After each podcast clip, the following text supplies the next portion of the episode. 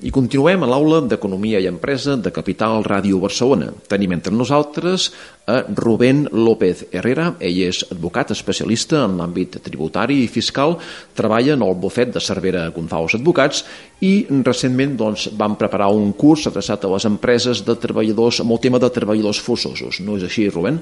Així és, sí. Bona tarda, Jordi. Doncs així és, sí, sí. Eh, nosaltres al despatx tenim una sèrie de clients que, bueno, doncs, per la particularitat de la seva activitat doncs, tenen una sèrie de treballadors que desplacen a treballar a l'estranger i bé, ens demanaven doncs, eh, si aquest desplaçament de treballadors tenia conseqüències en l'àmbit laboral i especialment fiscal i bueno, per aquest motiu es va crear doncs, una miqueta aquesta sessió per, expli per explicar i exposar doncs, en matèria tributària, que és la que jo, la, la que jo vaig impartir, doncs una sèrie de beneficis fiscals que li són d'aplicació a aquests treballadors. Vale, què, què entenem per un treballador desplaçat? Bé, doncs un treballador desplaçat és un treballador que treballa per una empresa del territori, un treballador normal, a l'ús, com el coneixem, però que ha de fer funcions a l'estranger, marxa a l'estranger per prestar un servei a l'estranger. No? Llavors aquests treballadors doncs, li són una sèrie de, li són d'aplicació una sèrie de beneficis fiscals que no en són a nosaltres els treballadors que prestem els nostres serveis aquí al territori o per empreses del territori. Um, perquè, clar, entenem doncs, que aquest treballador treballa, cobra, per tant, um, ja està subjecte a la fiscalitat de, de quin país? Del de, no, no, està subjecte a la fiscalitat d'aquí, d'Espanya, de, la fiscalitat espanyola. L'únic que com aquest, pres, com aquest servei es presta a l'estranger, doncs aquest salari que fins i tot pot ser pagat des d'aquí, eh? no és necessari que sigui pagat per part de l'empresa estrangera, doncs a l'haver-se desenvolupat fora del territori doncs té aquests avantatges fiscals que si et sembla doncs enumero una miqueta i, i comencem. I tant, i tant, doncs quins serien?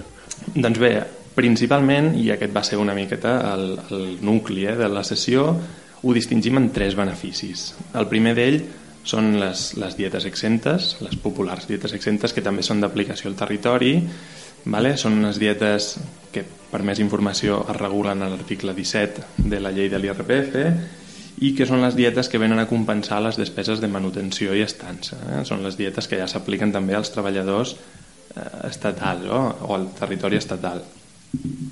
Aquestes dietes eh, s'apliquen o, o, o són, poden quedar exentes quan eh, el desplaçament d'aquest treballador a l'estranger és d'una durada inferior a 9 mesos. Això és el primer que hem de dir. I després, doncs, bueno, són unes dietes que es poden dividir alhora en tres grans blocs. Les, les despeses que venen a, a compensar eh, els allotjaments, vale? que aquestes queden exentes eh, pel propi import de, de l'hotel que, que busqui el treballador, les despeses de, de manutenció, vale? que bàsicament són els restaurants, el dinar i el sopar, i que aquí hem de diferenciar entre dues situacions. Si aquest treballador fa pernoctació a l'estranger, aquesta dieta exenta és de 91 euros, i si no hi ha pernoctació durant un mateix dia, doncs aquesta dieta exenta és de 48 euros. I per últim estan, i torno a repetir igual que aquí, les despeses que venen a compensar eh, la locomoció, els desplaçaments, no? Eh, com ja se sap, si aquest desplaçament és en transport públic, doncs la quantitat exenta és l'import satisfet i que s'ha de justificar i si és amb el vehicle propi doncs són 0,19 euros per quilòmetre addicionalment del peatge i aparcament vale? tot això sempre hem de tenir en compte una cosa molt important i és que totes aquestes despeses s'han de documentar eh, per poder-les acreditar en Front Hisenda quan correspongui eh? Tant les factures de l'hotel com els desplaçaments, el motiu, els tiquets de l'aparcament, de peatge, etc. Mm -hmm. El segon gran bloc, que és el més popular, és el més conegut, és el règim dels treballadors desplaçats, el que popularment la gent coneix com l'article 7P de la llei de renta, és el que més s'aplica en la pràctica i aquesta és l'exempció més important perquè pot deixar exempts de tributació fins a 60.100 euros anuals fins a 60.100 euros anuals. Vale? És una exempció que s'aplica sobre rendiments del treball, sobre els rendiments que obtenim derivats d'una relació laboral, d'un contracte laboral. És, un, és una exempció que és compatible amb les dietes que acabem d'explicar, són compatibles, es poden aplicar simultàniament, no serà compatible amb el benefici que explicarem després i és important eh, ressenyar que és d'aplicació quan eh, el treballador que, el que desplacem eh, se li continua aplicant la normativa espanyola, eh? perquè després veurem que en funció de la durada d'aquest desplaçament doncs podria ser que aquest treballador perdés la consideració de contribuent i per tant no, se, no se li aplicaria la normativa espanyola sinó la normativa d'un altre país. I aquesta exempció de 60.100 euros màxims anuals tenen alguns condicionants? Sí, exacte. Bueno, tenen uns requisits, més ben dit, tenen uns requisits d'aplicació i és, bàsicament són, són tres, eh? que el treballador realitzi unes feines per una empresa o una entitat estrangera o una empresa espanyola que tingui un, un establiment permanent a l'estranger, vale? per tant, el que, és, el que és necessari és que aquest treballador es desplaci, que hi hagi un desplaçament efectiu a l'estranger perquè, perquè es produeixi no? o perquè es pugui aplicar. Mm, en el cas, i faig un petit incís, en el cas de que aquest establiment que hi hagués a l'estranger eh, fos una filial d'una empresa per la que treballem, per exemple, i això tingués la consideració d'operació vinculada, doncs el que es requereix és que aquest servei que presti no sigui fictici, sinó que generi un avantatge o una utilitat. És a dir, que en una situació, que en una situació comparable una altra empresa doncs, requereixi d'aquests serveis per tenir aquesta, aquest avantatge. No? I el segon requisit és que el país al qual anem a prestar aquest servei doncs no tingui la consideració de paradís fiscal, que això a la pràctica és que aquest país al qual anem tingui un impost eh, anàleg a l'IRPF, un impost com, com el que ens gravaria aquí. Vale? Llavors, aquesta exempció el que fa és que en proporció al número de dies que prestem aquest servei a l'estranger doncs deixa aquesta renta que percebem exenta de tributació en l'IRPF. Uh -huh. Hi ha alguna altra exempció o una altra... Sí, de fet hi ha un mes que potser no és tan popular, no és tan conegut, que és el règim d'accessos. Vale? Aquest el regula també eh, el reglament de l'IRPF, l'article 9, i és el que abans avançàvem que és incompatible amb el, el règim de treballadors desplaçats de l'article 7P. No? Aquest règim ve a deixar exemptes eh, les mateixes eh, rentes obtingudes a l'estranger per aquesta prestació del servei, però amb una diferència respecte a les interiors. I és que aquí eh, aquesta, aquest règim no és per desplaçaments eh, de poca durada, sinó que s'aplica sempre quan el desplaçament del treballador supera els 9 mesos d'estar a l'estranger. Vale?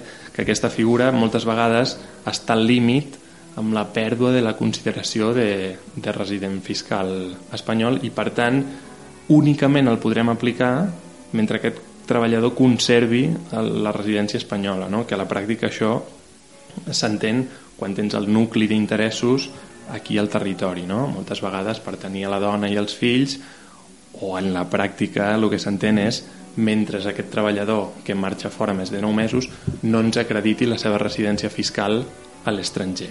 Vale? Llavors, en aquest cas, eh, en aquest cas, la quantitat que queda exenta de tributació és aquest excés, pròpiament, com, com anuncia el règim, no? aquest plus que ens pagaria una empresa pel fet d'haver-nos desplaçat i que no cobraríem de no haver-nos desplaçat. No? Mm. Nosaltres sempre posem l'exemple, no? Si, si tu treballes aquí i jo et pago 50.000 euros anuals però l'any que ve t'envio mig any, mig any no, eh? més de 9 mesos, en aquest cas hauria de ser 10 mesos a França, l'any que ve no et pagaré 50, sinó que et pagaré 80. Uh -huh. Bueno, doncs aquests 30 d'excés són els que quedarien exempts de tributació. D'acord, d'acord. I una pregunta que em sorgeix, i no és en l'àmbit fiscal, tributari, sinó en l'àmbit potser més, més laboral. Si, si, si un treballador se'n va a fora i pren mal i té un accident de treball, com queda cobert això? Bé, aquest també va ser una matèria de, de la sessió que es va impartir. No la vaig impartir jo, la va impartir un company que és més especialista en la matèria, no? i allà bàsicament el que es parlava era de existeixen tota una sèrie d'obligacions de comunicació, sobretot, per part de les empreses a la Seguretat Social, de que es produirà aquest desplaçament del treballador i també doncs, d'assegurar els treballadors perquè en funció del país al que es destini, i crec que això era molt cas per cas en funció de cada país, doncs eh, s'apliquen les seves particularitats en temes d'assegurances o, o d'incapacitats eh, temporals o si el treballador es fa mal, etc. Però aquesta part, Jordi, sí que t'he de dir que se m'escapa una miqueta de, de les meves competències i no et podré ajudar gaire aquí.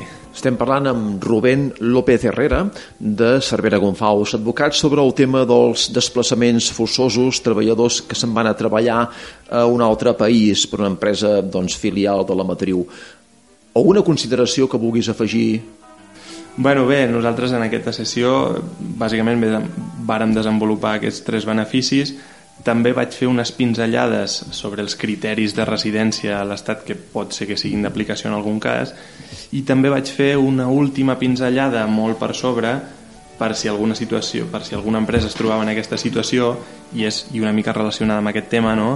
Eh, quan una empresa d'aquí no desplaça, sinó que el que fa és que porta un treballador estranger a treballar aquí, no? El que es coneix com en lloc d'expatriat, un impatriat, no? Mm -hmm bueno, doncs bé, vam fer una precisió aquí també això és el que es va introduir l'any 2004 popularment com la llei Beckham que molts, molts coneixíem i era quan portem talent de l'estranger a treballar aquí no? llavors els requisits són similars però a la inversa no? es requereix que hi hagi un desplaçament efectiu d'una persona de l'estranger cap aquí que aquesta persona en els 10 anys anteriors no hagi estat desplaçat al territori espanyol i llavors això el que feia és que eh, pogués optar entre tributar per l'IRPF com qualsevol contribuent del territori o que durant l'any en què ve i els cinc següents es pogués acollir a un règim especial en què li permetís tributar per les regles de l'impost sobre no residents, que és un tipus de gravament molt més baix.